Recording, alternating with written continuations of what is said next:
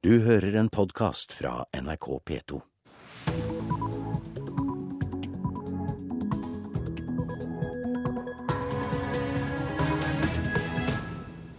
Klokka er 6.30, det er tirsdag 24. april. Du hører på P2s Nyhetsmorgen, og jeg heter Hege Holm.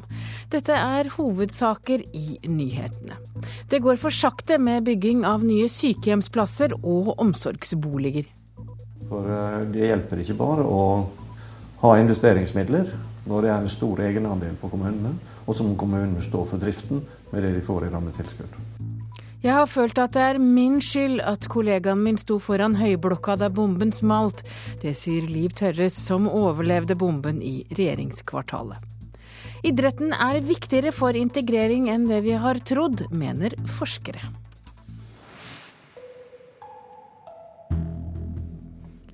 Ja, Først i dagens sending skal vi snakke om bygging av sykehjemsplasser og omsorgsboliger.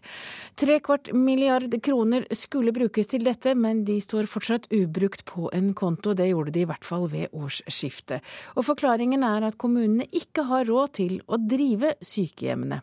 Sykehjemsløftet var Jens Stoltenbergs viktigste valgkampløfte da regjeringen ble gjenvalgt for snart tre år siden det er at alle som trenger det, skal sikres en sykehjemsplass. Valgkampen 2009. Jens Stoltenberg lanserer sitt viktigste løfte for å gjenvelges 12 000 heldøgnsplasser i eldreomsorgen mot 2015.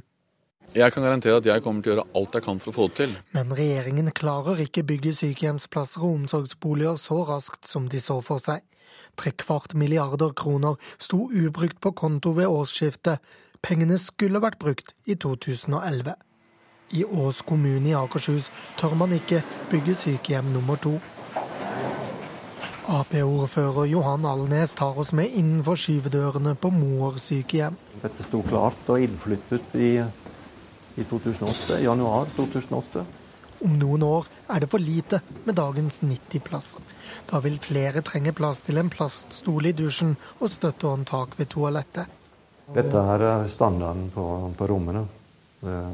TV og bad sånn med, med, de fasiliteter som man trenger. Jeg vil tro at vi vil ha behov for, et, eh, for flere plasser i 2015-2016. Likevel vil ikke Alnes søke regjeringen om pengestøtte og bidra til å oppfylle Ap-løftet.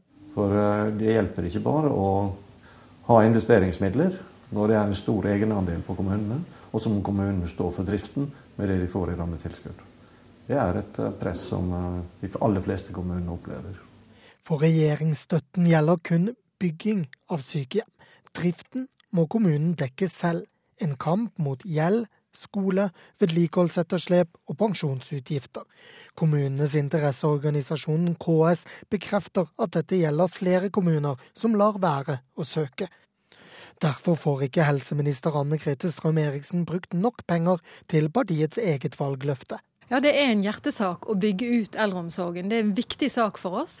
I 2010 krevde Riksrevisjonen en opprydning. Det skjedde altså ikke i 2011. Selvsagt ønsker jeg at kommunene skal bygge ut eh, så fort som mulig. Men det aller viktigste for oss det er at vi ligger godt an i utbyggingsplanene. Eh, og ved halvveis løp så har vi omtrent gitt halvparten av de tilsagnene som er målsettingen.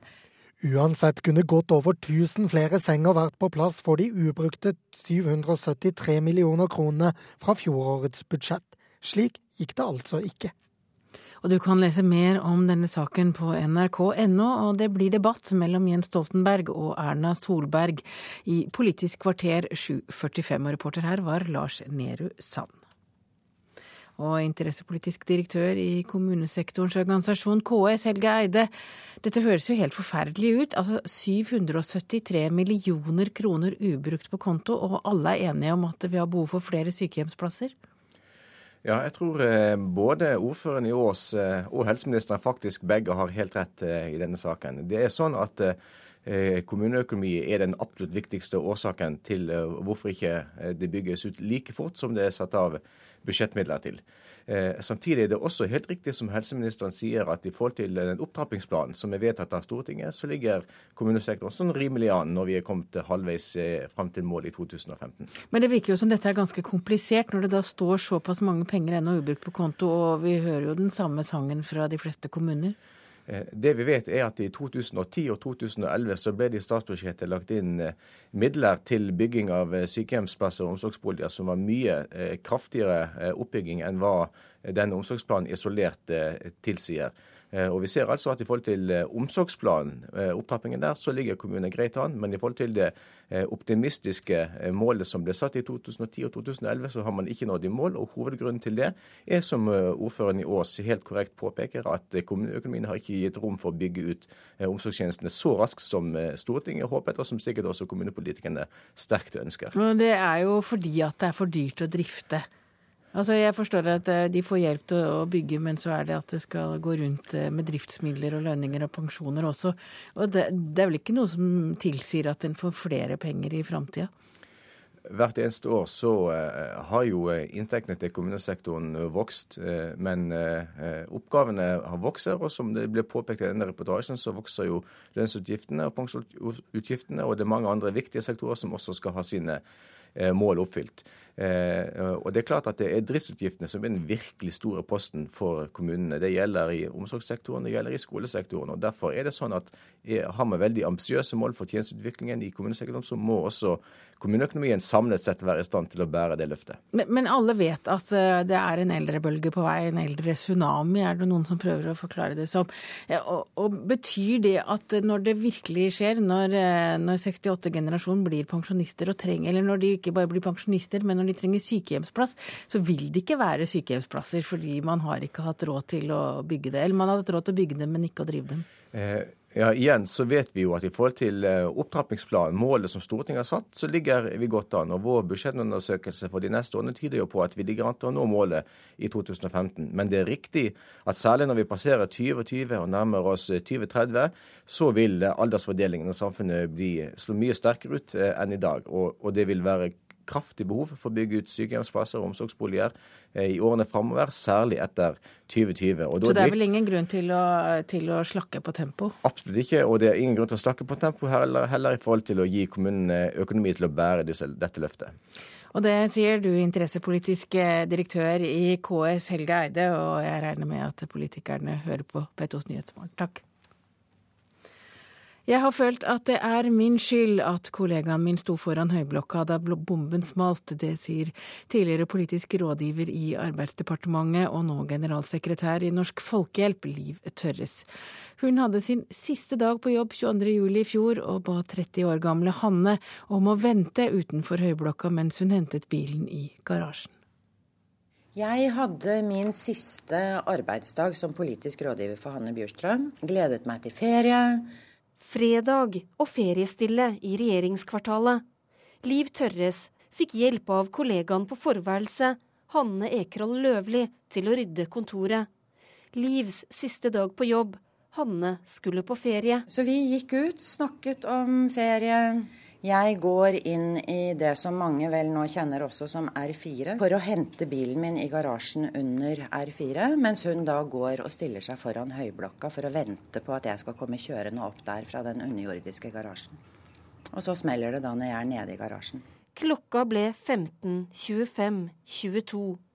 Hanne sto utenfor inngangen til høyblokka. Liv var i garasjen.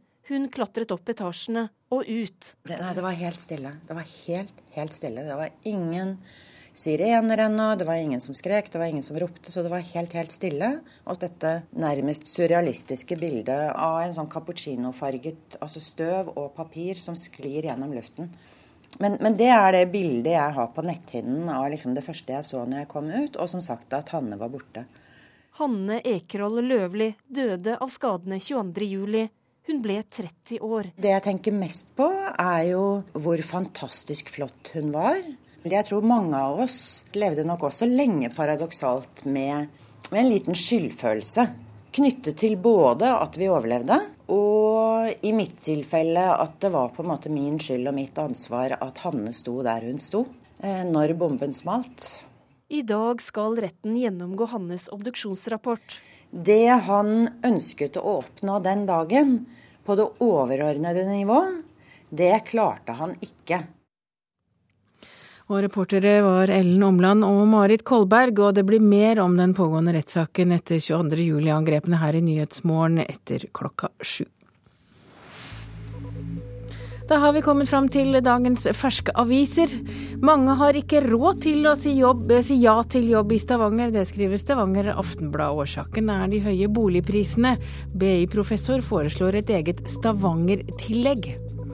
Opprør mot biskop etter bedehusnekt, skriver Bergens Tidende. Det er folk fra Tysne som nå truer med å melde seg ut av statskirken, i protest etter at biskop har sagt nei til begravelser fra bedehus.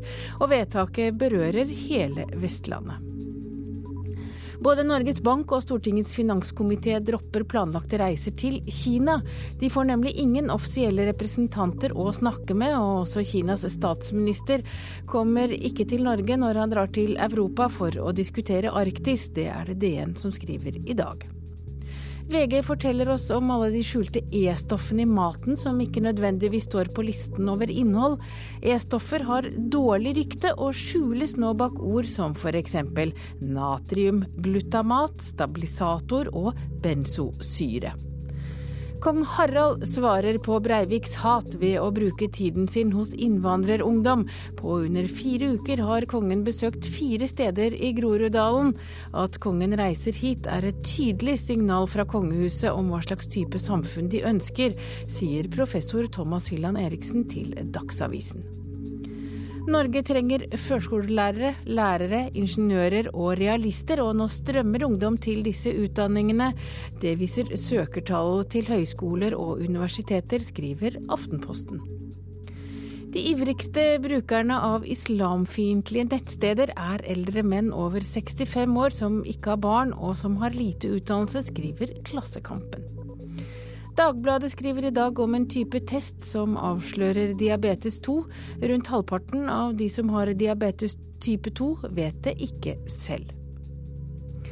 Om fem år må Norge for første gang importere mer enn halvparten av kornet vi trenger. Det viser en rapport fra Landbrukets utredningskontor. Kornbønder krever økte inntekter for å snu utviklingen, skriver Nasjonen i dag. Og Austrheim kommune har flest lottovinnere i Hordaland. 15,5 millionvinnere per 10 000 innbygger. Til sammenligning har lottobygda Verdal 18,3 millionvinnere per 10 000 innbyggere. Det er det Bergensavisen som skriver i dag.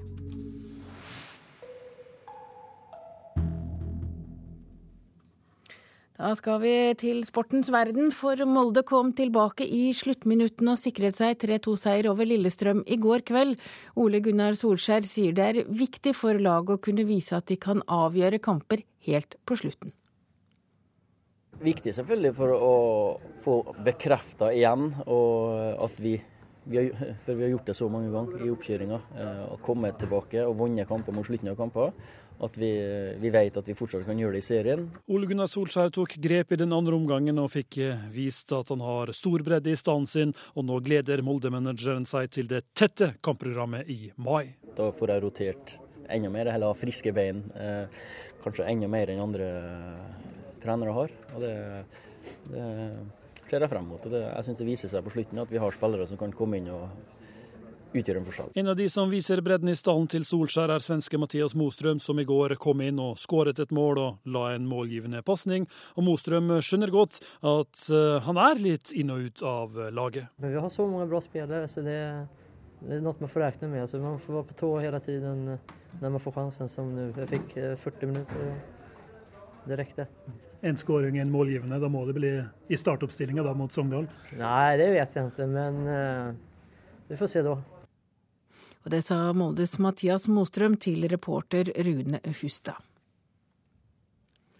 Idrett, korps og frivillige organisasjoner ser ut til å være viktigere for integrering av innvandrere enn mange har trodd.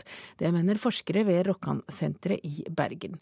Men siden guttene tradisjonelt har vært mer engasjert i den organiserte idretten, er det en utfordring å få med jenter. Det er meg, Liberia, og så er det Norge. Så er det Hva var det hun kom fra igjen? Sammen med lagvenninna Anne Skillingstad Knutsen prøver Hadia Pasave å komme på alle nasjonalitetene som er representert på Jenter 13-laget til Nykronborg i Bergen. Vi har veldig mange. Sjøl om de allerede i dag er mange, skulle de to gjerne sett at flere innvandrerjenter tok del i idretten. Ja, jeg kunne ønske det.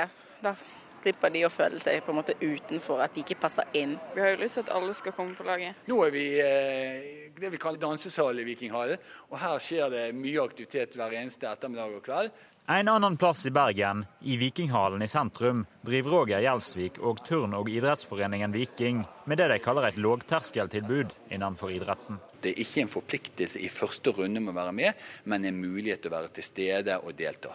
Klarer vi å få de inn der, så har vi et utrolig mye bedre utgangspunkt for å få de inn i idrettslaget etter hvert. Ønsket om å få med innvandrerjentene står høyt på dagsorden. Utfordringa er at de er vanskelige å få med i det tidsrommet den tradisjonelle dugnadsbaserte idretten har åpent hus. Vi ser spesielt jentene at når de er kommet hjem, så er de i mindre grad går ut igjen. Det er klart at eh, Hvis vi skal ha tak i det, så er ofte den beste tiden det er rett etter skoletid. Men det er òg en tid på dagen hvor eh, idretten sin frivillighetsarbeid er relativt liten, fordi at folk naturligvis er på jobb da. Det trenger vi ressurser for å kunne gjøre. Vi begynner gradvis å tenke at dette har større betydning enn vi har tenkt før. Vi møter Gil Loga på idrettsplassen på Møhlenpris. Forskeren ved Rokkansenteret i Bergen mener idrettslag, korps og organiserte frivillige lag har en viktigere rolle i integreringsarbeidet enn en tidligere har tenkt. Det ene er at foreningslivet i et lokalmiljø er viktig for individet. Det er bra å være med i sosiale nettverk, det er bra å ha mange venner. Men det vi har forska på det siste, det er at det er mulig at det har òg en stor funksjon i samfunnet og vår type styringsmodell vi forsker på dette her i forhold til tillit. For det gir tillit til politi, tillit til myndigheter. Det gir en velsmurt økonomi. Det gir eh, høy livskvalitet. Altså det er, ja, og et godt demokrati, ikke minst. Fotball er en veldig inkluderende sport. Det spiller ingen rolle. Vi spiller fotball, og vi har det gøy. Eugen Sebastian er sjøl andregenerasjons innvandrer og leder for barne- og ungdomsfotballen i Ny-Kronborg. Han har mange dømmer på at idretten bidrar til integrering. De tar vare på hverandre. Jeg har eh, tre jenter som spiller med hijab. Og Da har ikke de lov til å vise håret sitt. Men med en gang du ser noe hår, så hører du alle de andre jentene rope på dem. da. Nå må du ta det på plass. Etter to år som trener for et av jentelagene i klubben, ser han òg at foreldre til innvandrerungdommene i større grad engasjerer seg rundt idrettslaget. Det er ikke alltid så lett å komme igjennom til foreldrene, for norskkunnskapen er, er heller dårlig. og Da er det ikke så lett å kommunisere med dem. Nå er det kommet mer og mer, og nå kommer de og ser på kamper. Det er en jobb. Du må ha personlig kontakt, stille opp på døren og snakke med dem for å få dem med. Ordet integrering hører ikke hjemme i vokabularet til Hadia og Anna. Jeg vet ikke hva det betyr, så jeg tenker ikke noe spesielt. Men kanskje de likevel har svaret på hvorfor idretten bidrar til nettopp det. Ja, jeg vil helst skåre, liksom, fordi jeg pleier å være i spiss. Å skåre og være en lagspiller, da? Du må jo samarbeide i fotball, og da, når du samarbeider, så får du på en måte kontakt med den personen, og da er det lettere. Det er jo en god plass å få venner på, og bli kjent med nye folk. På normal. Og reporter her var Sølve Rydland. Du hører på Nyhetsmorgen i NRK P2 og Alltid nyheter. Klokka er 6.48, og dette er hovedsaker i nyhetene. Trekvart milliard kroner til nye sykehjemsplasser står ubrukt på konto ved årsskiftet. Jeg har følt at det er min skyld at kollegaen min sto foran høyblokka da bomben smalt. Det sier overlevende Liv Tørres fra regjeringskvartalet. Og følg med, så får du høre at matpakke er oppskrytt. Barn bør få gratis skolelunsj. Det mener både Barneombudet og ernæringsekspert.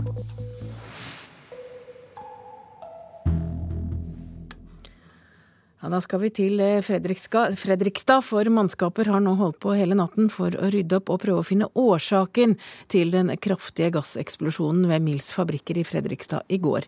En person omkom og tre ble skadet, og reporter Cornelia Bjørke Hiel, du står nå rett ved stedet, og hvordan ser det ut i morgentimene? Det er veldig tåke her i Fredrikstad denne morgenen. Det ligger tungt over eksplosjonsstedet fra i går. Du ser tydelig at det har skjedd noe her. Det er eh, vinduer som er sprengt ut, og mye bygningsmasse som ligger eh, hulter til bultert i eh, området her. Politiet har gjennom hele natten hatt en sikkerhetssone på 100 meter. Nå er de på stedet for å sikre stedet med biler, men sikkerhetssonen på 100 meter er altså nå ferdig. Men Rema 1000 og de nære bygningene i området ble også skadet i eksplosjonen. Og jeg står her sammen med kjøpmann Dag Asplund i Rema 1000. Aller først når du kommer tilbake nå i dag, hvordan, hvordan ser det ut her nå? Det ser jo litt bedre ut enn det gjorde når det skjedde i går, for da så det helt forferdelig ut her. Og det var en nesten uhyggelig opplevelse med disse rystelsene og den og det som skjedde rundt dette her. Så eh, jeg er glad for at jeg kan åpne butikken i dag, for det hadde jeg nesten ikke trodd at det skulle skje i går. Ja, for I går så beskrev du en stor røyksky som eh, kom da det eksploderte. Hvilke tanker var det som gikk gjennom hodet ditt der og da? Jeg trodde egentlig det var brann på Biltema. Så jeg hadde jo min store hyre med å få ut folk fra, fra butikken, slik at ingen skulle bli skada. Så det var det jeg tenkte på. Få, få kundene ut så fort som mulig, og så få rydda lokalet. Dere skal åpne i dag. Hvor trygt føler du at det er? Ja, I går kveld så hadde vi gjennomgang eh, i bygningsmassen med politi og, eh, og, folk som var eksperter på bygning. og De kunne ikke se at det var noen eh, skader som var iallfall noen problemer med, med konstruksjonen av bygget. Så det virker som at det er helt normalt. Det er ganske folketomt her nå, men frykter du at folk kommer til å holde seg borte i løpet av dagen? Nei, det tror jeg ikke. For vi er jo så populære, så jeg tror folk kommer til oss og handler. Men det å ha en eh, fabrikk som Mills eh, som nærmeste nabo, har du noen gang tenkt at eh, noe som det her kunne skje? Nei, faktisk. Det har jeg ikke tenkt på. Så det var en hyggelig opplevelse. Men jeg hørte noen naboer nevnte det at det, det måtte skje en gang. Men, men, jeg har faktisk ikke hatt disse tankene i hele tatt. Det ble jo beskrevet ganske tøffe episoder også for dere som var i nabobygget her.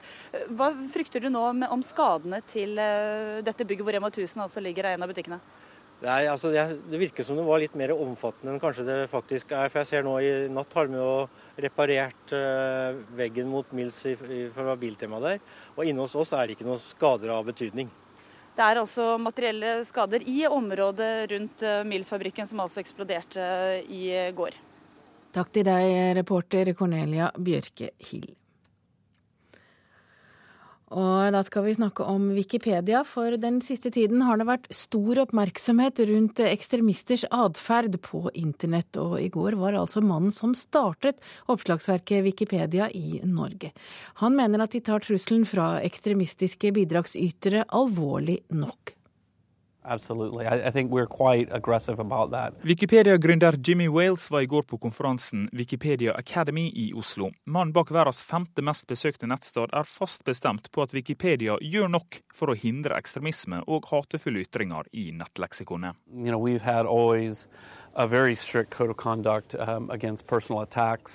um,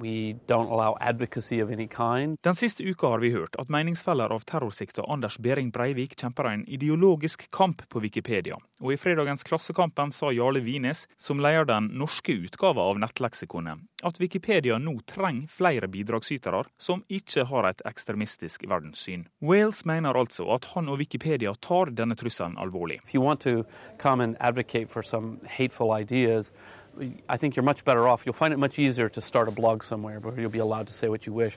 Because within Wikipedia you won't be welcomed at all. And, and we're quite firm about that. Men i noen tilfeller er det et problem at mennesker med ekstreme meninger tar kontroll over hvordan begrep defineres i nettleksikonet, mener han. Yeah, yeah. If, if there is a situation, and it, it can occur, of course, within Wikipedia, that uh, one entry or one group of entries is really dominated by one person with very strong views, I do think that's a problem. Uh, I think it's a problem that the community does deal with um, in general, but of course there's a lot going on all the time, and so it's something that we're always having to, to watch out for. Så må man skrive artikkelen, så etterpå da, så går du inn på rediger. Få kvartal unna, på Høgskolen i Oslo og Akershus, sitter bibliotekstudentene Karoline Lange og Snorre Håkonsen og arbeider med en artikkel til Wikipedia. Så skriver du det inn. Syns det var ganske lett. Kvaliteten til innholdet er ofte avhengig av hvor mange som har lest en artikkel, mener Snorre Håkonsen. Det varierer veldig, da. Håkonsen mener det er en vesentlig kvalitetsforskjell mellom den engelske versjonen og den norske. Eh, den engelske Wikipedia er ganske troverdig. Den blir oppdatert eh, ganske jevnlig, mens den norske eh, er ofte ikke så troverdig. Ja, da vet vi det. Reporter her var Sondre Bjørdal, og mer får du om dette i Kulturnytt etter klokka åtte. Alle barn i Norge burde få gratis og næringsrik skolelunsj. Det mener overlege og ernæringsekspert Berit Nordstrand. Hun mener den vanlige norske matpakka ikke gir barna den næringen de har behov for. Eh, jeg syns nesten all mat er god her, foruten soppa. Det sier den svenske førsteklassingen Linnea, som går på Odelbergsskolen i Strømstad, hvor barna får varm lunsj hver dag. Du vil ha fisk du også? Ja. I dag er det fisk på menyen, forteller kantineansatt Mailis Fransson. Fiskegryte med potetmos. potatismos. Og så serverer vi vegetarisk. Og salat til det. Og maten går unna. Og det er mange av barna som kommer igjen og tar, tar om. Altså. Det er inget uvanlig. Er det din andre porsjon? Yes, for at jeg er kjempehungrig. Et slikt godt og gratis lunsjtilbud burde norske barn også få, mener overlege og ernæringsekspert Berit Nordstrand. Jeg syns de skal spise rå grønnsaker, alle eh, sammen. Eh, jeg syns de skal få proteinrik mat som ren fisk, rent kjøtt, eh, egg, ost. Eh, og jeg syns de skal få de her eh, sunne, flerumetta fettsyrene fra nøtter og frø fra tran f.eks., fra fiskepålegg og fisk. Eh, og vi vet jo det finnes en rekke studier som viser direkte sammenheng mellom inntak av de her umetta fettsyrene og hvor godt ungene klarer å konsentrere seg på skolen. Men mener du da at den klassiske norske matpakka fører til at barn i Norge blir feilernært? Jeg tenker det at uh, matpakken er, er en del av det.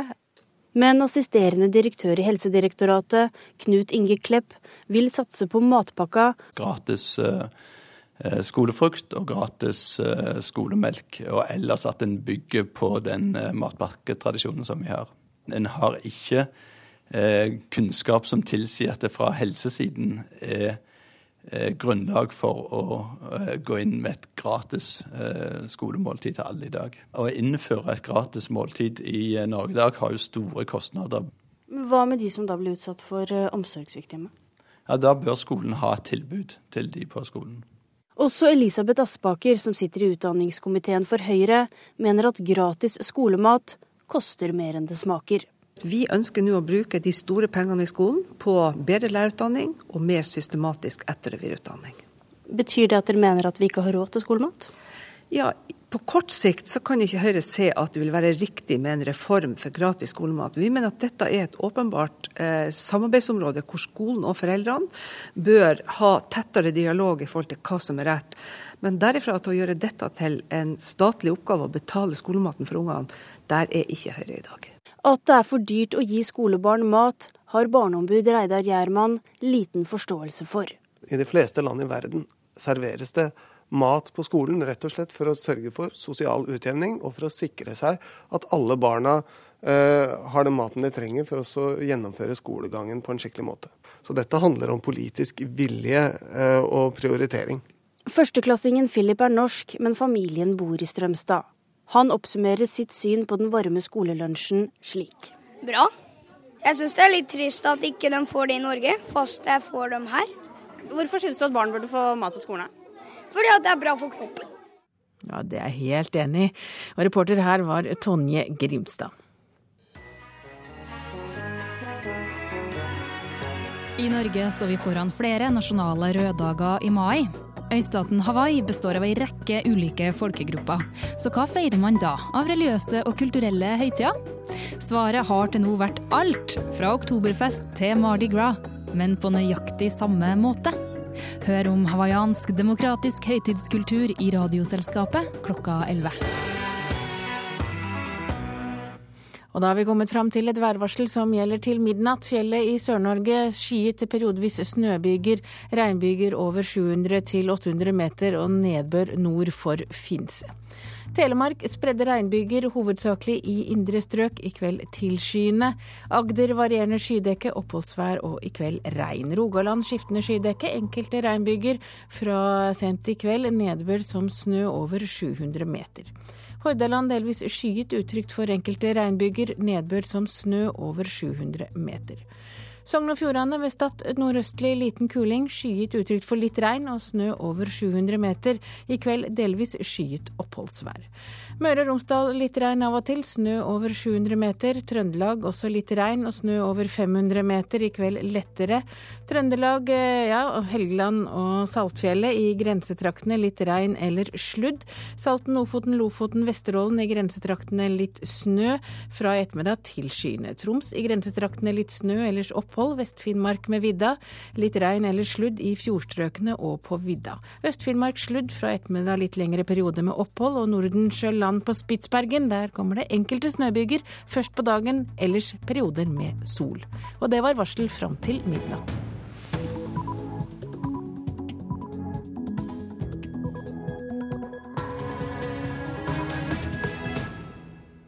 Klokka er sju, du hører på Nyhetsmorgen. Jeg heter Hege Holm, og her er en nyhetsoppdatering.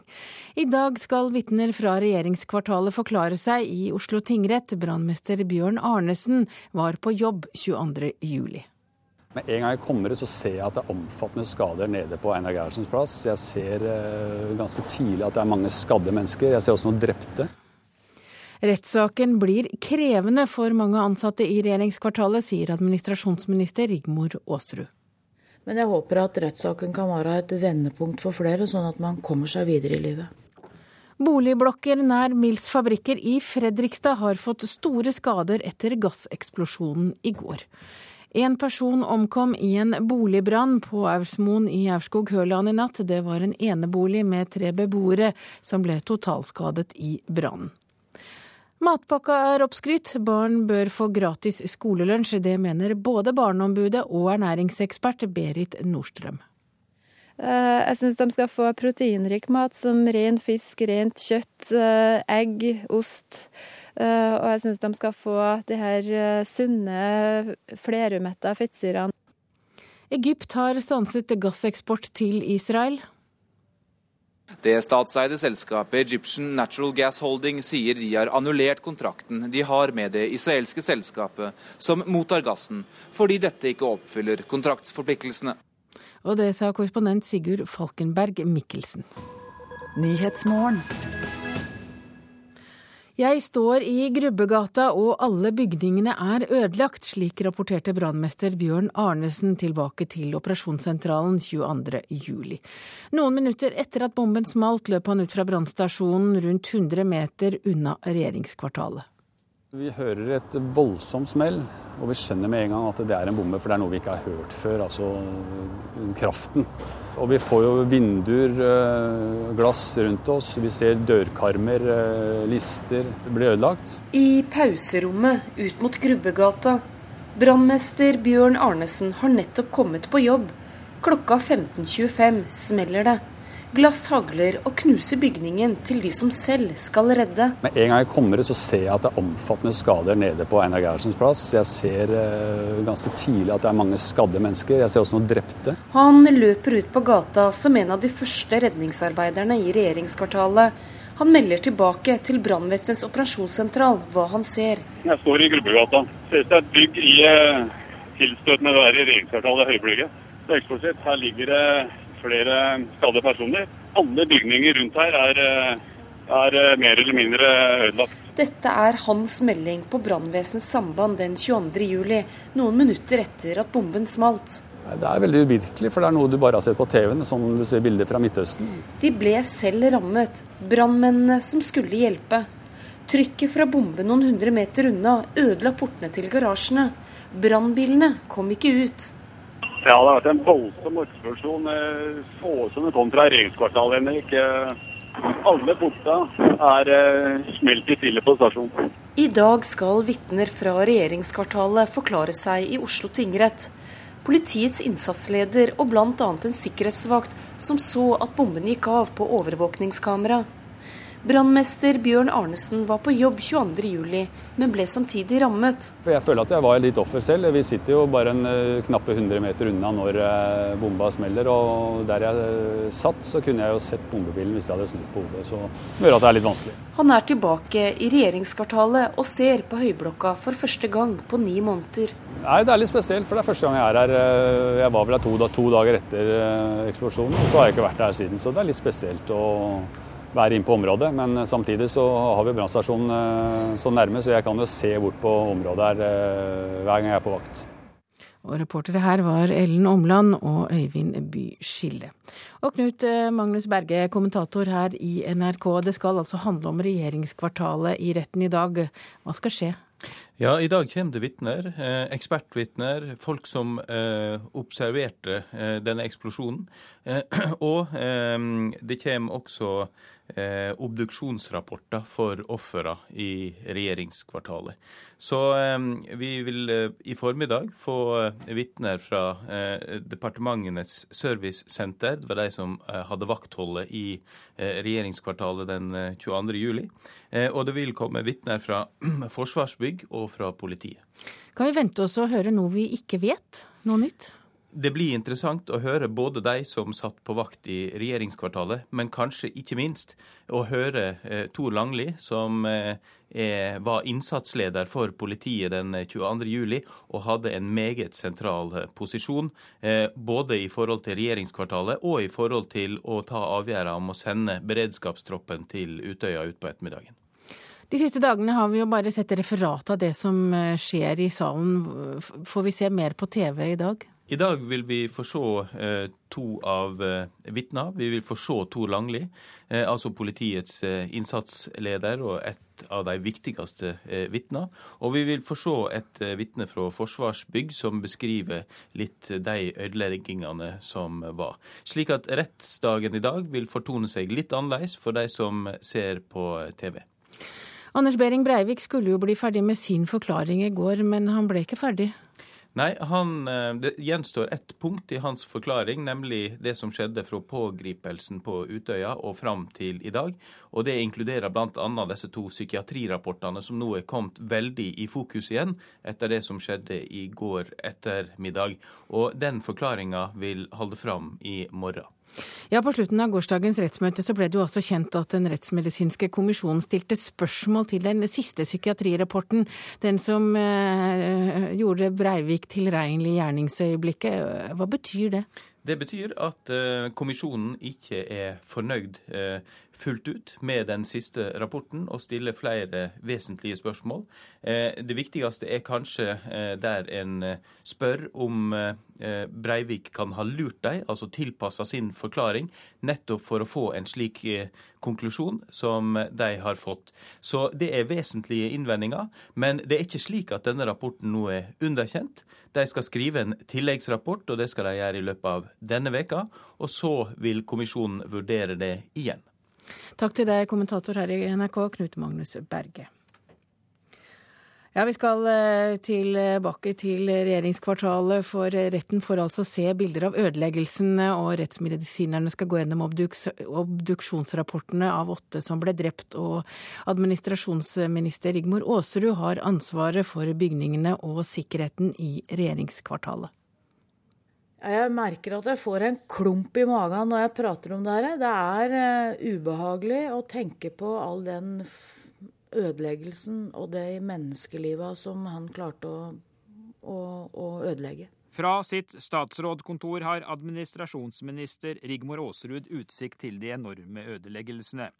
Det er ufattelig at en enkelt mann kan ødelegge så mye, sier hun, men først og fremst tenker hun på dem som ble drept. Denne uka er det de åtte menneskene som mistet livet i regjeringskvartalet, som er tema i tingretten. Det er viktigst fortsatt å tenke på alle de som omkom og de som ble skadd eh, i attentatet. Eh, det materielle er jo mulig å reparere på en eller annen måte, men det er jo ikke de menneskelivene som er gått tapt, og de som er berørt direkte. Som administrasjonsminister er det Aasrud som har det øverste politiske ansvaret for bygningene i regjeringskvartalet. Katastrofen 22.07 kommer til å få konsekvenser for departementene i mange år fremover.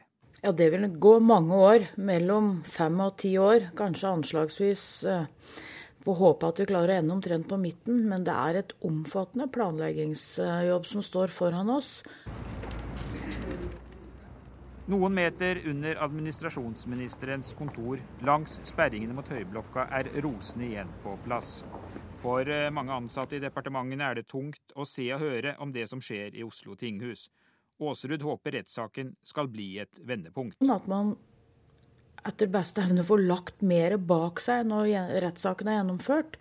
Men jeg tror også det er ansatte som reagerer veldig tungt på det man ser. Andre har et mer distansert forhold til det, og det er helt naturlig. Mennesker reagerer forskjellig. Men jeg håper at rettssaken kan være et vendepunkt for flere, sånn at man kommer seg videre i livet.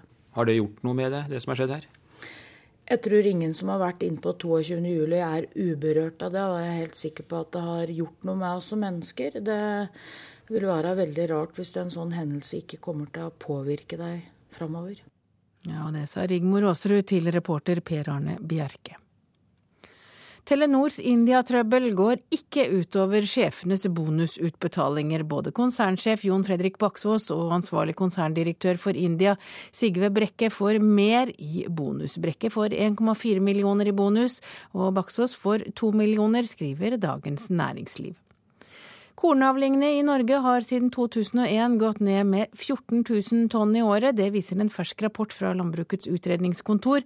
Dersom utviklingen fortsetter, er det bare seks år til vi må importere mer enn halvparten av kornet vi trenger her i landet, skriver Nasjonen. Og Statens flyverksted på Kjeller ved Lillestrøm kan eh, årlig få oppdrag for 150 millioner kroner for å vedlikeholde Norges framtidige jagerfly F-35. I går ble det skrevet under en intensjonsavtale med motorprodusenten, skriver Dagens Næringsliv. Beboere i nærheten av Mills i Fredrikstad er vettskremte etter den store eksplosjonen ved fabrikken i går ettermiddag. En person omkom og tre ble skadet da en gasstank eksploderte i forbindelse med arbeidet på tanken, og de tre blokkene har fått store skader både innvendig og utvendig, sier styreleder i Bjørn borettslag, Laila Wæler. En del av vinduene er, når du lukker dem opp sånn der, så henger de bare i en én Hva skal jeg si for noe? Én hengsel oppe. Da er den løs. Eh, samtidig, så hvis du ser her, så løsner det, har det Trykket har reist altså taket opp. Så det er jo da gått litt sånn, hva kan jeg kalle det, sånn ifra hverandre. Klokka er 7.11. Du hører på Nyhetsmorgen i NRK P2. Dette er hovedsaker i nyhetene. I dag skal vitner fra regjeringskvartalet forklare seg i Oslo tingrett. Regjeringen klarer ikke å bygge ut eldreomsorgen like fort som planlagt. Det er 773 ubrukte millioner til sykehjem og omsorgsboliger, noe som tilsvarer mer enn 1000 sykehjemsplasser. Og vi skal høre at Norge advarer mot et nytt palestinsk opprør dersom det ikke blir framgang i konflikten mellom Israel og palestinerne.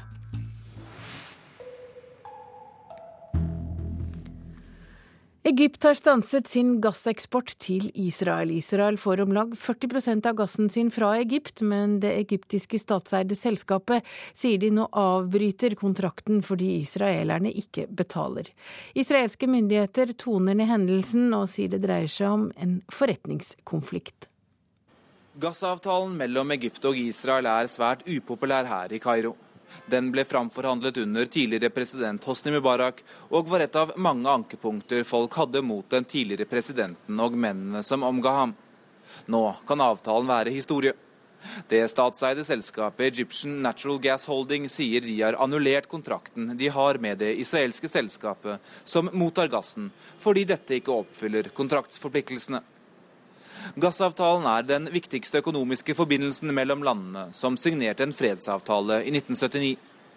Gassen eksporteres gjennom en rørledning på Sinai-halvøya. Rørledningen har vært angrepet 14 ganger siden Mubaraks fall. Før sabotasjen begynte, sto egyptisk gass for rundt 40% av forbruket i Israel. Gass er Israels viktigste energikilde. Egyptiske kritikere av avtalen har hele tiden hevdet at gassen blir levert på billigsalg. Israelske myndigheter gjør nå alt de kan for å tone ned gasskrangelen. Utenriksminister Avigdor Liebermann sier i et til ham å være neddempet språk at beslutningen om å oppheve kontrakten ikke er et godt tegn, men at den kan løses som alle andre forretningsuenigheter uten at dette påvirker det politiske forholdet. Samme toner kommer fra statsminister Benjamin Netanyahu. Forholdet mellom Israel og Egypt er inne i en vanskelig fase. Samarbeidet mellom militærvesenet i de to landene er fortsatt godt, men Egypt er inne i en kaotisk overgangsfase hvor de islamistiske politiske partiene så langt har hatt stort gjennomslag. I september i fjor ble den israelske ambassaden her i Kairo sentrum stormet, og har siden måttet flytte. Egypt skal etter planen avholde presidentvalg i slutten av mai, men har ennå ikke noen ny grunnlov, og nylig ble flere framtredende kandidater utelukket fra valget. Det er fortsatt militæret som har makten i Egypt, og det styrende militærrådet har ennå ikke uttalt seg om gasskrangelen. Sigurd Falkenberg Mikkelsen, Kairo.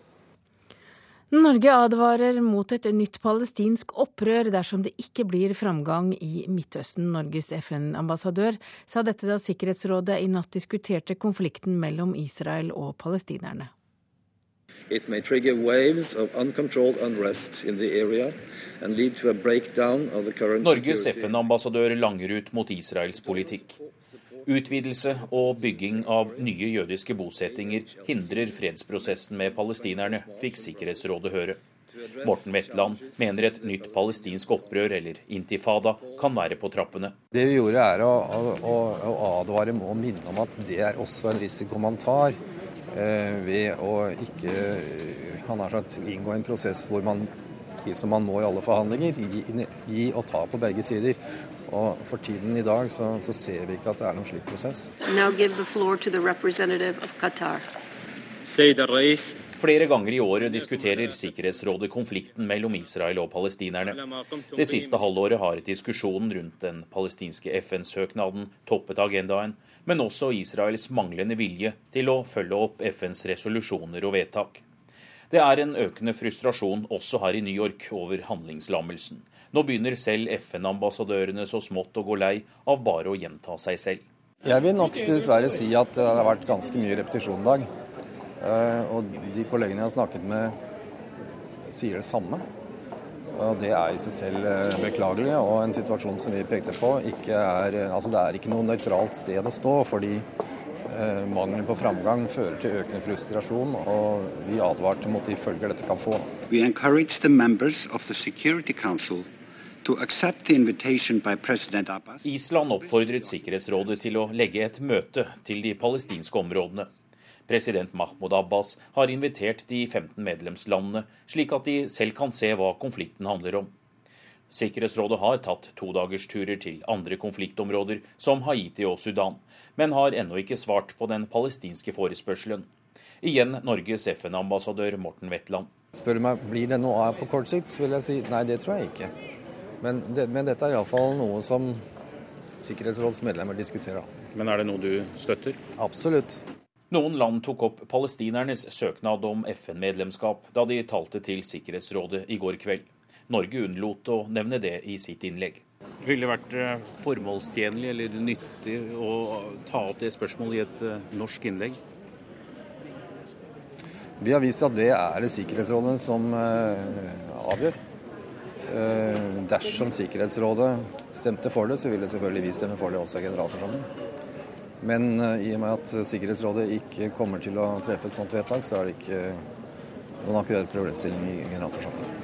Selv om FN-ambassadørene i stor grad nå bare kan hente fram samme innlegg som under forrige Midtøsten-møte, har ikke Wetland gitt opp håpet om at det kan utgjøre en forskjell.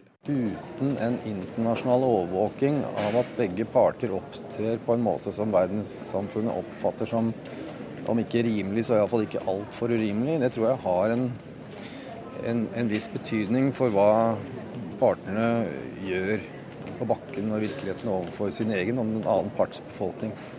Eh, det er altså ikke hemmelig, det som skjer i Midtøsten. Det debatteres i Sikkerhetsrådet. Eh, og eh, jeg velger å tro at det har en viss disiplinerende effekt, selv om jeg ikke er så naiv at jeg tror at det er den eneste grunnen til at det ikke er verre enn det er. Og reporter var Anders Tvegård. Israel starter byggingen av en mur langs deler av grensen mot Libanon neste uke. Det melder israelsk fjernsyn. Muren skal være over to kilometer lang og skal beskytte grensebyen Metullah og hindre sammenstøt mellom israelske og libanesiske grensesoldater.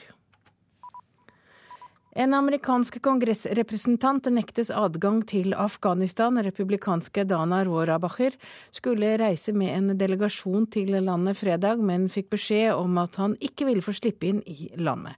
Kongressmannen har tidligere bedt om gransking av hvorvidt amerikansk bistand er brukt av Karzai og hans familie.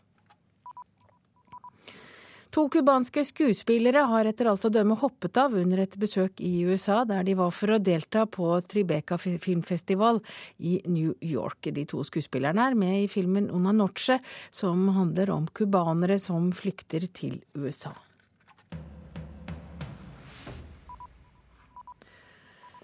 Over et halvt år før den opprinnelige planen skal norske soldater hentes hjem fra den norske provinsen Faryab nord i Afghanistan, og forsvarsminister Espen Barth Eide var på besøk i Afghanistan da nyheten kom, og han sier at årsaken er at man ønsker å konsentrere innsatsen om færre steder. Og utenrikspolitisk forsker Helge Lurås, eh, hva mener du er grunnen til at styrkene nå blir hentet hjem tidligere enn planlagt? Litt vanskelig å si. Forsvarsministeren selv eh, hevder at det er ISAF som har bedt eh, Norge om det.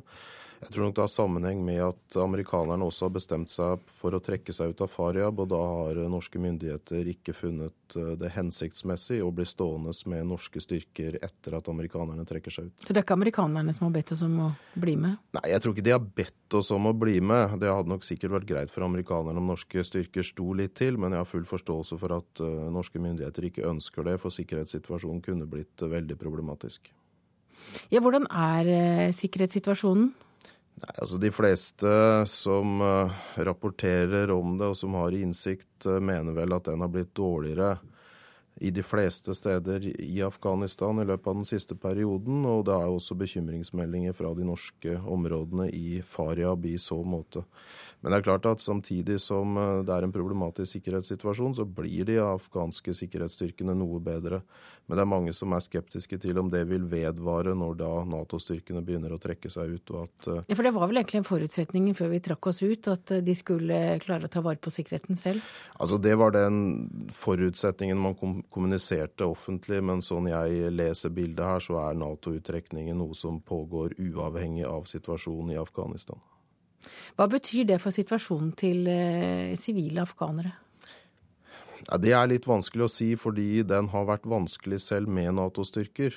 Men det er klart, hvis uttrekningen fra Nato og da i Faryab fra norske og amerikanske styrker får en effekt på den politiske stabiliteten i Afghanistan, og det tror jeg er en stor mulighet, så vil nok det også da forverre situasjonen for de sivile. Men samtidig så er det et element her, og det er at mye av Talibans oppslutning også har vært basert på motstand mot de internasjonale styrkene. Og Det kan jo bety at Taliban får noe van større vanskeligheter med å mobilisere støtte til sin egen sak, at de internasjonale styrkene faktisk trekker seg ut. Men jeg er redd for vi får en del andre splittelser, skillelinjer og konfliktlinjer nå i Afghanistan framover, etter hvert som de internasjonale styrkene trekker seg ut. Hva har vi egentlig oppnådd med å være i Afghanistan? For Norge så er det to ting. Jeg tror ikke det er noe særlig tvil om at Al Qaida i Afghanistan, og delvis også i Pakistan, er svekka som en følge av denne eh, militæroperasjonen siden 2000. Og Det var jo det som var grunnen til at det var vi det gikk som inn. var grunnen til det. I tillegg for Norges del så har jo det veldig viktig vært å pleie vårt forhold til USA og Nato. Og der har jo Norge vist seg som en relativt pålitelig da, militær støttespiller i den operasjonen. Men når det gjelder å skape fred og stabilitet og en rimelig demokratisk utvikling i Afghanistan, så er det veldig, veldig mye som gjenstår, og det kommer sannsynligvis ikke til å bli oppnådd på lang tid. Så nå har russerne gitt opp, nå gir den vestlige verden opp. Ja, det tror jeg definitivt man kan si, selv om amerikanerne jo har noen ambisjoner om å bli stående med en 15 000-20 000 mann etter 2014 også. Takk til deg, utenrikspolitisk forsker Helge Lurås. Da har vi kommet fram til en presserunde, og i Stavanger er det mange som ikke har råd til å si ja til en jobb de får tilbudt, fordi årsaken er at boligprisene er for høye, og BI-professor foreslår nå et eget Stavanger-tillegg, skriver Stavanger Aftenblad. Opprør mot biskop etter bedehusnekt, skriver Bergens Tidende. Folk fra Tysnes truer med å melde seg ut av statskirken i protest etter at biskop har sagt nei til begravelser fra bedehus. Vedtaket berører hele Vestlandet. Både Norges Bank og Stortingets finanskomité dropper planlagte reiser til Kina, for de får ingen offisielle representanter til å møte dem. Også Kinas statsminister hopper over Norge når han kommer til Europa for å diskutere Arktis. Det er DN som skriver dette i dag. VG forteller oss om alle de skjulte E-stoffene i maten, som ikke nødvendigvis står på listen over innhold. E-stoffer har fått dårlig rykte og skjules nå bak ord som f.eks. natriumglutamat, stabilisator og benzosyre. Kong Harald svarer på Breiviks hat ved å bruke tiden sin hos innvandrerungdom. På under fire uker har kongen besøkt fire steder i Groruddalen. At kongen reiser hit er et tydelig signal på, fra kongehuset om hva slags type samfunn de ønsker seg, sier professor Thomas Hylland Eriksen til Dagsavisen. Norge trenger førskolelærere, lærere, ingeniører og realister, og nå strømmer ungdom til disse utdanningene. Det viser søkertallene til høyskoler og universiteter, skriver Aftenposten. De ivrigste brukerne av islamfiendtlige nettsteder er eldre menn over 65 år. De har ingen barn, og de har lite utdannelse, skriver Klassekampen. Dagbladet skriver i dag om en type test som avslører diabetes 2, og rundt halvparten av de som har diabetes type 2, vet det ikke selv. Og så er det den lille Austrheim kommune som har flest lottovinnere i Hordaland.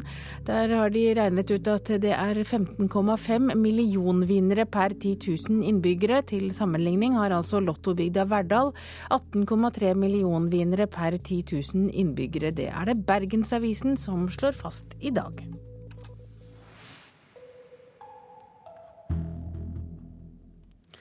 Kysten står i fare for å ødelegges som uberørt reiselivsmål og opplevelsesarena. Det mener Den norske turistforeningen, som frykter at vind- og småkraftutbyggingen vil bygge ned kystlandskapet. Yeah, it's really amazing, like all the fjords and the nature. It's one of the most uh, nature place I've seen uh, so far in my life. It's extremely beautiful. Uh, we took a, a boat up into the fjord and uh, the contrasts of the mountains against the water was very beautiful. Det er slike beskrivelser av urørt norsk natur Den norske turistforeninga og Kristin Krohn Devold er redd for skal ta slutt. Det viktigste Norge har, det er fjord- og kystnaturen vår. Det er derfor Hurtigruta går smekkfull opp og ned langs kysten hele sommeren. Det er derfor cruiseturistene kommer, og det er derfor alle nordmenn stort sett bor langs kysten. Miljøvern er ikke nødvendigvis naturvern. Satsing på fornybar energi fram til 2020 vil bli synlig i hele landet i form av vannkraftverk, vindmølleparker og nettutbygging. Turistforeninga krever nå at hensynet til naturen må vektlegges mer før det gis konsesjon til mer utbygging. Det er et industripark, og industriparker skal i utgangspunktet ikke være der det er regulert til friluftsliv eller opplevelsesreiseliv. Eh, og når det gjelder fossene, så må vi for all del unngå å ta disse fantastiske søljene, eller disse dusjefossene som detter nedover fjellveggen på vei inn i Geirangerfjorden. For det er jo det som gjør at vi har en unik fjordnatur. Norges vassdrag- og energidirektorat har over 120 konsesjonssøknader for vindkraftverk og om lag 700 søknader for vannkraftverk inne til behandling. Og det vil komme flere. Hvis vi ser på alle de vindmølleprosjektene eller vindindustrianleggprosjektene som det er søkt om, eh, bare i Sogn og Fjordane, så vil jeg si at Hurtigruta ikke kan kjøre et eneste strekk på kysten der uten å møte et gitter av stål. Det er altså volumet og mengden som nå er omsøkt som er problemet. Og Da er det viktig at det er strenge kriterier for å få lov å lage sånne anlegg, og at hensyn til friluftsliv og reiseliv og der folk bor, blir satt mye høyere opp på dagsorden enn det vi har sett hittil. Man kan alltid diskutere hvor strenge disse kriteriene skal være. Det sier Rune Flatby, som er direktør for konsesjoner i NVE. Han er ikke enig i at det blir tatt for lite hensyn til naturen langs kysten. Altså, vi går gjennom i konsesjonsvedtakene og bakgrunnen for disse, så går vi gjennom alle relevante fagområder, deriblant friluftsliv og turisme, og gjør en konkret vurdering av virkningen av de ulike prosjektene. Og veier det opp mot de andre interessene som blir berørt, og den nytten disse prosjektene har knyttet til fornybar energi. Det er på langt nær alle som søker, som får konsesjon. Og Flatby tror frykten hos Turistforeninga kan være overdreven. Det er gjennomført en del undersøkelser knyttet til virkninger av friluftsliv og vindkraftverk. Og det er ikke entydige konklusjoner om at det er negativt for friluftsliv og turistnæring. Det er nok varierende fra område til område. Men på hurtigrutekaia i Ålesund er turistene skeptiske. Well, it would definitely be something different. I guess it would interject something man-made into the vista. Yeah, I mean, there's a lot of uh, natural places amazing here, and if you just put uh, those uh, those things in the middle, it would be. I think it will uh, a bit waste the view. Ja, reporter her var Silje Talberg. Du hører altså på Nyhetsmorgen i NRK P2. Klokka er øyeblikkelig 7.30. Da er det Dagsnytt. Etter Dagsnytt skal vi til OL, der det snart, eller til London, der det snart er sommer-OL. I Politisk kvarter møter Erna Solberg Jens Stoltenberg.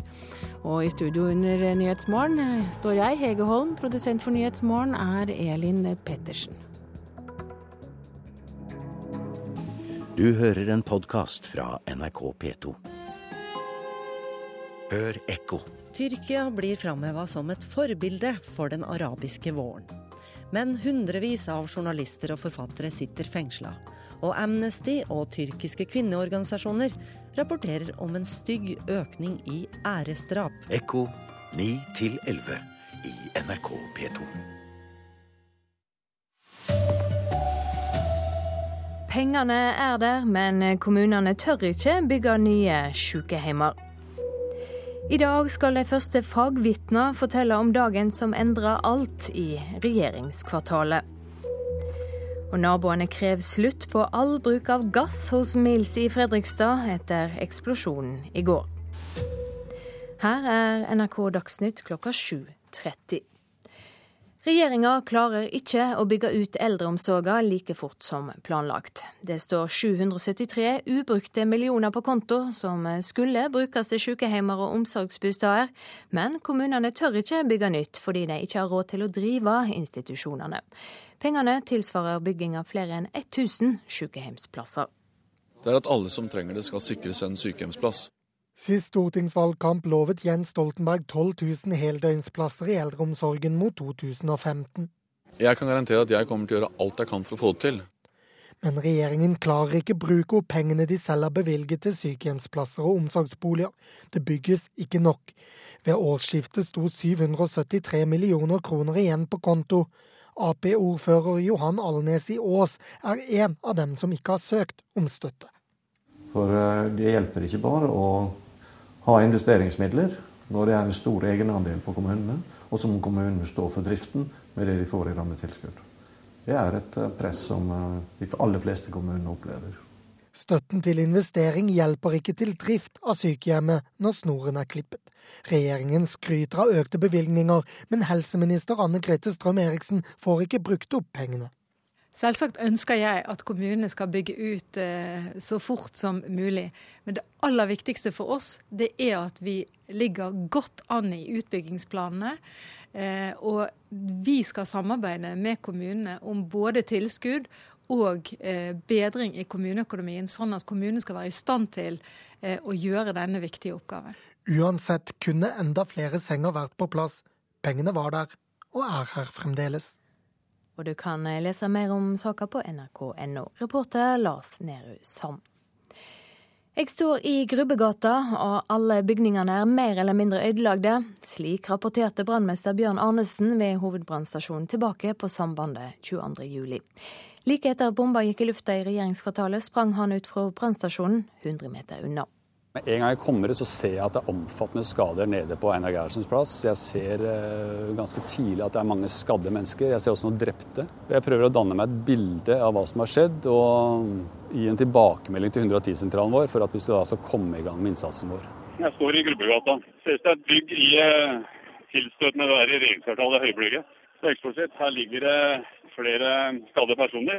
Alle bygninger rundt her er, er mer eller mindre ødelagt. Hans melding på brannvesenets samband den 22. juli Til kolleger på hovedbrannstasjonen i Oslo forteller brannmester Bjørn Arnesen hva han så.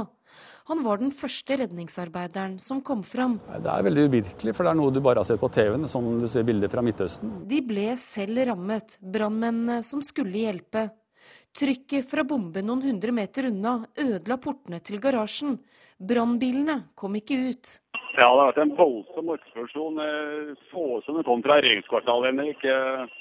Alle porta er eh, smelt i filler på stasjonen.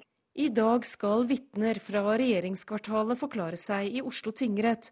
Politiets innsatsleder og bl.a. en sikkerhetsvakt som så at bomben gikk av på et overvåkningskamera. Brannmester Bjørn Arnesen var på jobb 22.07, men ble samtidig rammet. For Jeg føler at jeg var litt offer selv. Vi sitter jo bare en uh, knappe 100 meter unna når uh, bomba smeller. Og der jeg uh, satt, så kunne jeg jo sett bombebilen hvis jeg hadde snudd på hodet. Så det gjør at det er litt vanskelig. Reportere Ellen Omland og Øyvind By Skille. I dag er det altså bomber i regjeringskvartalet som er tema i terrorrettssaka. Retten skal se bildet av ødeleggingene, og rettsmedisinere skal gå gjennom dødsårsakene til de som ble drepne. Administrasjonsminister Rigmor Aasrud synes det er tungt å følge med på det som skjer i rettssaka. Jeg merker at jeg får en klump i magen når jeg prater om det her. Det er uh, ubehagelig å tenke på all den ødeleggelsen og det menneskelivet som han klarte å, å, å ødelegge. Fra sitt statsrådkontor har Rigmor Aasrud utsikt til de enorme ødeleggelsene. Som administrasjonsminister er det hun som har det øverste politiske ansvaret for bygningene i regjeringskvartalet. Katastrofen 22.07 kommer til å få konsekvenser for departementene i mange år fremover. Ja, Det vil gå mange år, mellom fem og ti år. Kanskje anslagsvis eh, Får håpe at vi klarer å ende omtrent på midten, men det er et omfattende planleggingsjobb som står foran oss. Noen meter under Aasruds kontor langs gjerdet mot Høyblokka er rosene igjen på plass. Hver dag kommer folk med blomster. Det er viktigst fortsatt å tenke på alle de som omkom og de som ble skadd eh, i attentatet. Eh, det materielle er jo mulig å reparere på en eller annen måte, men det er jo ikke de menneskelivene som har gått tapt, og de som er berørt direkte. For mange ansatte i departementene er det tungt å se og høre om det som skjer i Oslo tinghus. Aasrud håper rettssaken skal bli et vendepunkt. Jeg håper at rettssaken kan være et vendepunkt for flere, sånn at man kommer seg videre i livet. Reporter Per Arne Bjerke. Og kommentator i NRK Knut Magnus Berge, i dag skal det altså handle om regjeringskvartalet. Hva blir det viktigste som skal skje i rettssalen i dag? Ja, I dag får vi høre eh, vaktfolk fra regjeringskvartalet. Vi får høre folk fra eh, Forsvarsbygg som skal fortelle om bomber. Og vi får høre ikke minst politiet. Eh, det mest interessante, tror jeg, blir innsatslederen for politiet den 22. juli, Tor Langli. Han skal vitne, og han eh, hadde ansvaret i regjeringskvartalet også da eh, beslutninga ble tatt om å sende beredskapstroppen utover mot Utøya. Eh, utpå eh, ettermiddagen den 22. juli. Det blir kanskje det mest interessante vitnet, og han er også ett av to vitner som vi kommer til å sende direkte på TV i dag. Takk skal du ha, Knut Magnus Berge. Så skal vi ha andre saker. Naboene til Mills-fabrikken i Fredrikstad er skremte etter den kraftige eksplosjonen i går. Nå forlanger de at selskapet slutter med å håndtere gass på området. Laila Wæler er styreleder i burettslaget Bjørnen. Mills må fjerne alt det som har med gass og eh, gasstanker og propangass. Alt det. Det må jo fjernes. Det er ikke aktuelt å ha her lenger. For nå ser du hva kan skje. Kommer dere til å sende en formell henvendelse nå, da? Ja. Forsyningsdirektør Stian Kjellemyr Eilertsen i Mills sier at de først vil avvente hva etterforskninga viser, før de eventuelt foretar seg noe nå er det faktisk sånn at det er uklart hva som har forårsaka eksplosjonen. Når det foreligger, så må vi vurdere hvilke tiltak vi kan gjøre, og hva vi kan gjøre for å minimere sannsynligheten for at noe slikt kan kunne skje igjen. Reporter Stein Ove Korneliussen. Den særnorske matpakka er overvurdert og oppskrytt. Det mener overlege og ernæringsekspert Berit Nordstrand. Hun vil ha en næringsrik skolelunsj servert gratis til alle fra og med første klasse. Barneombud Reidar Gjerman kan ikke forstå at Norge ikke har penger til å gi ungene en god og gratis varm skolelunsj, når Finland og Sverige har råd. Sultne og ivrige førsteklassinger står pent i kø og får torsk i kryddersaus, potetstappe, gulrøtter og erter. For i Strømstad, rett over svenskegrensen, er det gratis varm lunsj for alle skolebarn hver dag. Jeg syns at skolematen er kjempegod. Jeg syns all mat er god, og jeg syns Norge skal ikke behøve ta med seg mat hjemmefra. Den norske overlegen og ernæringseksperten Berit Nordstrand er enig. Hun vil at skolebarn skal få grovt brød, grønnsaker, kjøtt og fisk gratis, og sier matpakka ikke lever opp til sitt gode rykte. Den er overvurdert, og det blir en måte vi kan uh, jevne ut uh, sosiale forskjeller på, om vi da tilbyr et godt måltid den tida ungene er på skolen. Alle ungene fortjener det. Men assisterende direktør i Helsedirektoratet, Knut Inge Klepp, vil satse på matpakka og ikke på gratis skolemat. Nei, en har ikke kunnskap som tilsier at det fra helsesiden er grunnlag for å uh, gå inn med et gratis uh, skolemåltid til alle i dag. Å innføre et gratis måltid i Norge i dag har jo store kostnader. At det er for dyrt å gi skolebarn mat, har barneombud Reidar Gjerman liten forståelse for. Ja, nå er vi jo vi et rikere land enn alle andre land i verden, så råd til det har vi helt sikkert. I Strømstad spør barna om morgendagens meny. Spagetti og kjøttfærs. Yes! Ja, reporter her, det var Tonje Grimstad. Ansvarlig for Dagsnytt-sendingene denne morgenen, Eirik Ramberg. Teknisk ansvarlig, Hanne Lunås. Her i studio, Silje Sande.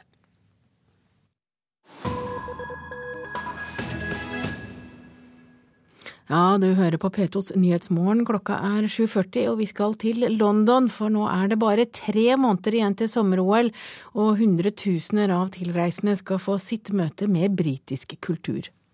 So avoid talking about sex, health, politics, religion or money. Vi sier how do you do til William Hansen, etikettekonsulent og ekspert på god britisk åtferd, og ei påminning om at det på øyene i vest fremdeles henger igjen såpass mye stiv overleppe at det fremdeles merkes godt når det kommer fremmedfolk til gards. Så, ifølge Hansen, første punkt for den som har lyst til å komme i prat med en trivelig brite, er å unngå emna sex, helse, politikk, religion og penger, og verst av disse, sjølve kardinalsynda, er penger. The worst mistake a visitor to Britain can make is talking about money. We hate talking about money. We frown on those that talk about money. Britene hater å snakke om penger, sier Hansen, som sjøl ble fullstendig slått ut da han var i Kina i fjor, og en kineser takka han for foredraget han holdt, og så spurte han obs hvor mye han tjener i måneden. And I was flabbergasted, absolutely just gobsmacked at the fact he had said that. And it completely flustered me. And if you come over to Britain and you ask those sort of questions, you really won't go very far. Den kanskje mest britiske av alle britiske tradisjoner er ettermiddagsteen. Afternoon tea is a very British pastime. It was invented in the 19th century by Anna, the seventh Duchess of Bedford.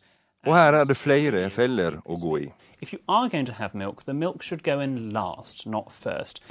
Bruker du mjølk, skal den i sist, ikke først.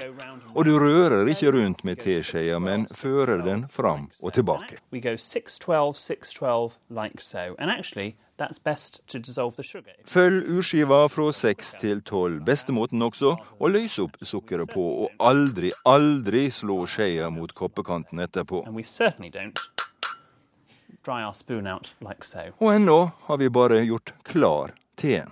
A lot of people think that to be posh, you have to drink it with your little finger, your pinky up. That is incorrect. Altså, for God's sake, når du fører tekoppen til munnen, unngå den latterlige lillefingeren til værs. We don't do that at all.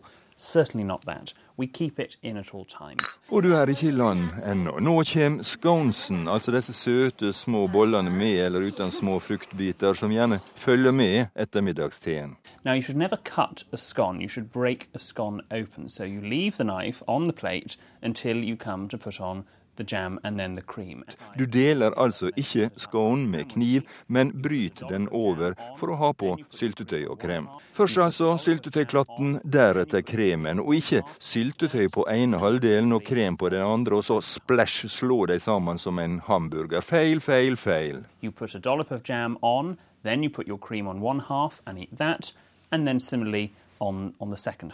Et punkt Hansen legger vekt på, er hvordan en brite møter andre og den britiske varsemda med fysisk kontakt. Ser du f.eks. noen gang en David Cameron helse på andre regjeringssjefer eller statsoverhoved, annet enn med handa? At han kysser og klemmer på folk, slikt Obama eller Sarkozy driver med? Neppe. Men Social kissing has changed a lot in Britain. If social kissing is going to happen, and it should have of course, not be on first meeting someone, then now it'll be two kisses, whereas years ago it used just to be one. Og dermed skulle vi vel være klare for både afternoon tea og London-OL. Oh yes. Reporter her, eh, det var Gunnar Myklebust. Du lytter på Nyhetsmorgen, og klokka er 7.43. Dette er hovedsakene. Pengene fra staten er der, men kommunene tør ikke bygge ut sykehjem og omsorgsplasser fordi de frykter for driftsutgiftene. Naboene krever slutt på bruk av gass ved Mills fabrikker i Fredrikstad etter eksplosjonen i går. Og matpakka er oppskrytt. Både ernæringseksperter og barneombud vil at barn skal få gratis mat på skolen.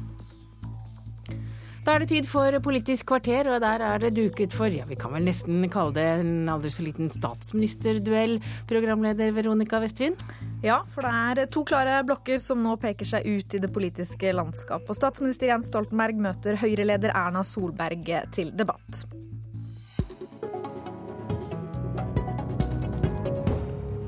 Vel møtt til Politisk kvarter. Først til deg, statsminister Jens Stoltenberg. Nå har de fire borgerlige partiene samla seg om ett oppdrag, nemlig å kaste deg og ta jobben din.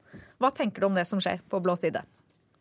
Jeg hilser velkommen at de nå gjør eh, anstrengelser for å komme opp med et klart alternativ. Fordi jeg tror at eh, demokrati, folkestyre, er tjent med det. Eh, valg handler om å velge. Og da er det godt for velgerne å vite hva de skal velge eh, mellom. Og selv om eh, fortsatt mye er uklart, så er det jo noen ting som blir mer klart. F.eks. så er det slik at Høyre nå er helt tydelig på at de er beredt til å sitte i regjering med Fremskrittspartiet. Eh, tradisjonelt avviste Høyre det, fordi de ikke ønsket å sitte i regjering med et parti de har betraktet som økonomisk helt uansvarlig av hensyn til økonomien og hensyn til arbeidsplassene. De mente at det har vært for risikabelt. Eh, og det er klart at en, eh, et Høyre som skal kompromisse, ikke mot Kristelig Folkeparti og Venstre, slik de har pleid å gjøre når de sitter i regjering, men eh, mot Fremskrittspartiet, vil være en politikk som ligger veldig mye mer til høyre enn det vi tidligere har sett, i forhold til f.eks. For rettferdig fordeling, fellesskap, privatisering av skolen og mange andre spørsmål, arbeidstakerrettigheter, der vi ser en høyredreining. Klare alternativer, det, det tror jeg velgerne er tjent med, og jeg tror det kan mobilisere på begge sider. Ja, Erna Solberg, er du eh, klar for å sette deg ned og kompromisse med Fremskrittspartiet? Jeg er klar for å snakke med alle de fire partiene på borgerlig side. Det som har skjedd denne våren, er et tydelig signal fra Venstre om at de ønsker et regjeringsskifte, og at de kan også være med på å støtte opp om en regjering hvor Fremskrittspartiet sitter. Høyre har vært klar på dette veldig lenge. At vi mener tiden er moden for at vi også kan sitte i regjering med Fremskrittspartiet. Men det er viktig at utgangspunktet for en borgerlig regjering er at alle de partiene som skal til for å få til den regjeringen, må også føle at politikken og retningen til den regjeringen går i møte med viktige saker for de partiene. Det er det ethvert samarbeid bygger på. Derfor er det ikke sånn at det bare er et kompromiss mellom Høyre og Fremskrittspartiet. Det er kompromisser mellom alle disse fire partiene som må til på viktige områder. Og jeg mener at dette landet trenger en annen politikk. Jeg mener at vi ser at vi får for lite mangfold. Jeg opplever at køene i helsesektoren eh, fortsatt øker i antall. Vi opplever at mennesker som burde fått rask behandling for å komme tilbake inn til arbeidslivet, står i køer og venter på å bli behandlet, istedenfor at de kan komme tilbake igjen og bidra økonomisk. Jeg ser at vi ikke klarer å bruke ut sykehjemsplassene raskt nok. Bl.a. fordi at regjeringen har gjort det komplisert å bruke de private, selv om de har åpnet nå, etter lang tids press fra oss for at private kan være med, så gjør de det så komplisert at det blir for vanskelig. Det er mange ting i retninger i forhold til valgfrihet, ikke minst i forhold til satsing på gode rammebetingelser for norske bedrifter som bør endres for å gjøre Norge bedre i årene fremover. Ja, Jens Stoltenberg, i dag skal du tale til landsstyret i Arbeiderpartiet. Hvordan skal dere møte disse nye tankene og denne vinden fra Høyre? Vi har legge fram vår egen politikk og redegjøre for dem. Det tror jeg alltid lengden er det klokeste i eh, politikken. Eh, og eh, jeg kommer i dag til å snakke om mange saker, men ikke minst kommer jeg til å snakke om verdiskapning, arbeid, det å investere i framtida. Og selv om det er veldig bra at vi har Europas laveste arbeidsløshet i Norge, og lykkes i å skape 300 000 nye arbeidsplasser de senere årene, så er det veldig viktig at vi ikke slår oss i ro med det og er tilfredse. Ikke minst fordi at det er rundt 600 000 mennesker som står på utsiden av arbeidsmarkedet. og Vi må bidra til å få de inn igjen, eh, både for å eh, gi flere av dem inntekt, eh, mulighet til å leve av eget arbeid, men også fordi at det er det viktigste bidraget til verdiskapning, til at vi i fellesskap skaper større verdier. Vi skal være veldig tydelige på at de menneskene som ikke har noen annen mulighet, skal motta trygd, stønad, uten å føre dårlig samvittighet for det. Men vi vet at blant de menneskene som i dag går på ulike stønadsordninger, så er det flere vi kan få jobb, og det er et eh, viktig prosjekt for denne eh, regjeringen. Eh, forutsetningen for det er at vi holder orden i økonomien. Og Noe av det jeg frykter aller mest nå, det er når Høyre for første gang åpner for å kompromisse med Fremskrittspartiet når det gjelder bruk av oljepenger. Det ble sagt på radioen i går at man skulle forhandle om handlingsregelen. Da er jeg redd for at man åpner en, en forhandling som skaper grunnleggende usikkerhet om selve grunnmuren i den økonomiske politikken, i ansvarligheten og det kommer til å gå utover renter, kronekurs og veldig mange norske arbeidsplasser. Så eh, det er den usikkerheten vi ikke trenger, eh, og som Høyre og Fremskrittspartiet bidrar til når de åpner for å endre en handlingsregel, ansvarlighet, som har tjent landet Ja, Vi skal snakke litt om eh, pengebruk. For regjeringen har klart å lose Norge gjennom en tid med store økonomiske problemer ute i Europa. Nå har vi hørt Fremskrittspartiet komme med nye tanker på hvordan den handlingsregelen skal praktiseres. Erna Solberg, hva, hva vil du? Vi har kommet godt igjennom en vanskelig økonomisk tid fordi vi har en fantastisk oljesektor som er drakraften for norsk næringsliv. Det er høyt tempo i oljesektoren, høye oljepriser. Det er hovedgrunnen til at vi drar Fungerer oss godt igjennom. Fungerer handlingsregelen slik vi den bør? Vi mener at handlingsregelen er bra. Men vi mener at regjeringen har brutt handlingsregelen i åtte år. For handlingsregelen er ikke bare at du skal bruke 4% av avkastningen. Hele poenget med handlingsregelen, hele tanken bak den den gangen Jens Stoltenberg som minister i en ren Arbeiderpartiregjering gjennomførte den, var at de pengene skulle vi bruke til å investere i vekstkraft for norsk næringsliv.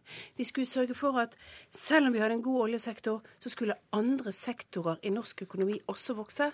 Det skjer ikke i dag, fordi denne regjeringen velger å bruke pengene på alt annet enn det som er investering i fremtiden. De bruker altså mindre av det økte handlingsrommet oljepengene gir, og det har blitt stort i de siste årene. Vi har fått masse mer oljepenger inn i norsk økonomi.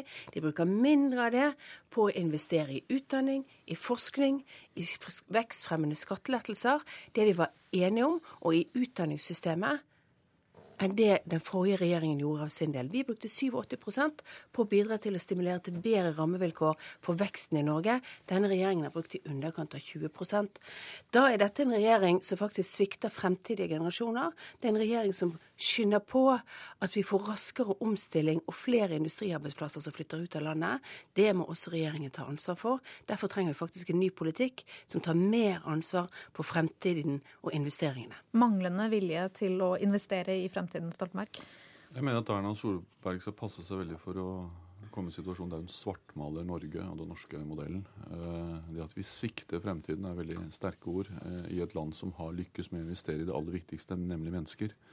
Dels ved å holde dem i arbeid. Det er ingenting som bidrar mer til å utvikle evner, anlegg, eh, skaperkraft enn at folk er i jobb.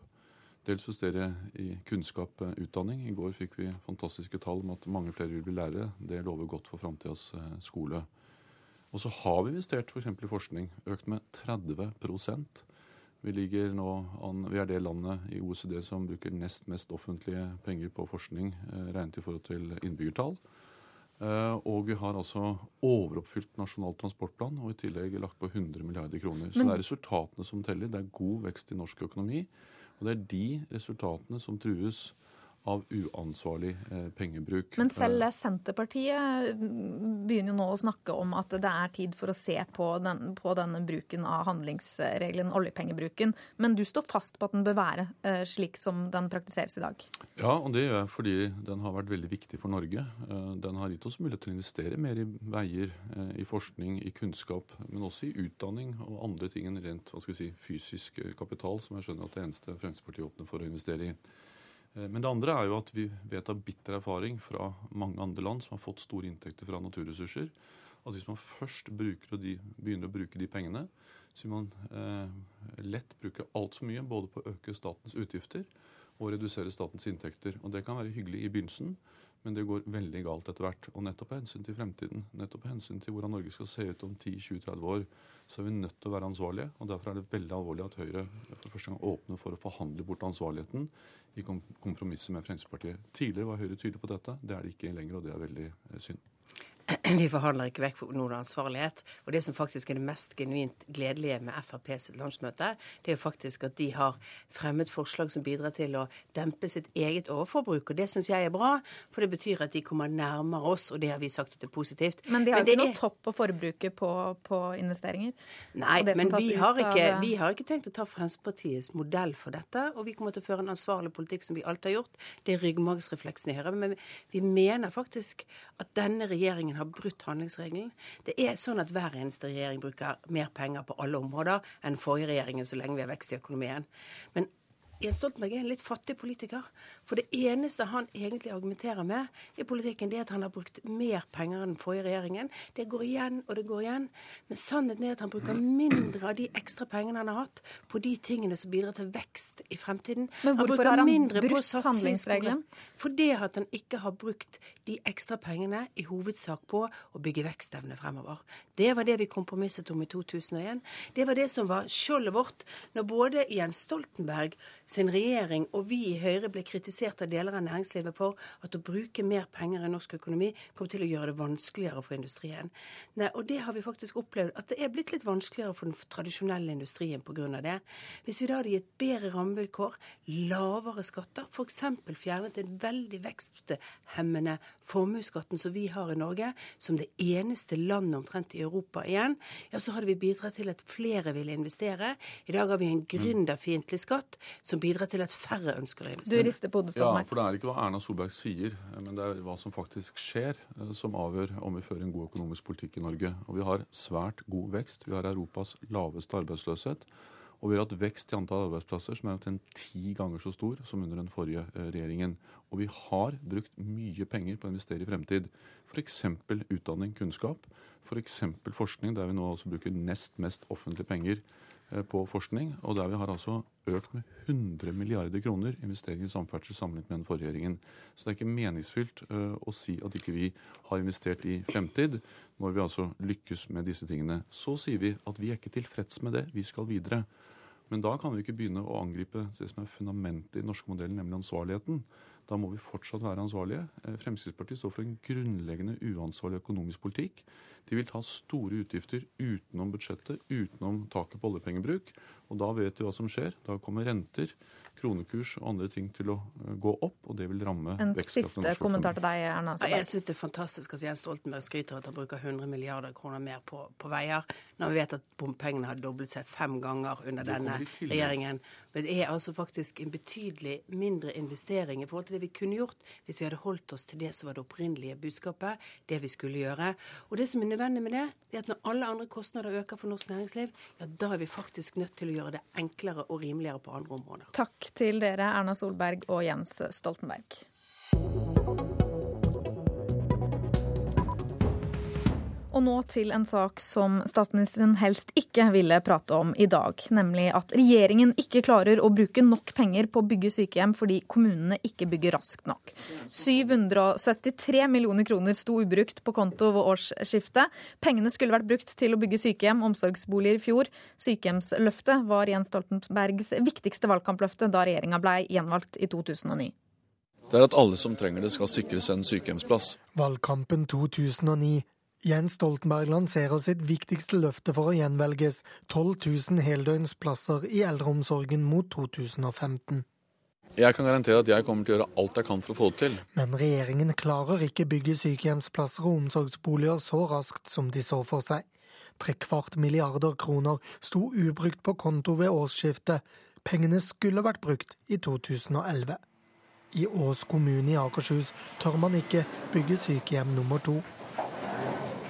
Ap-ordfører Johan Alnes tar oss med innenfor skyvedørene på Moer sykehjem. Dette sto klart og innflyttet i, i 2008, januar 2008. Om noen år er det for lite med dagens 90 plasser.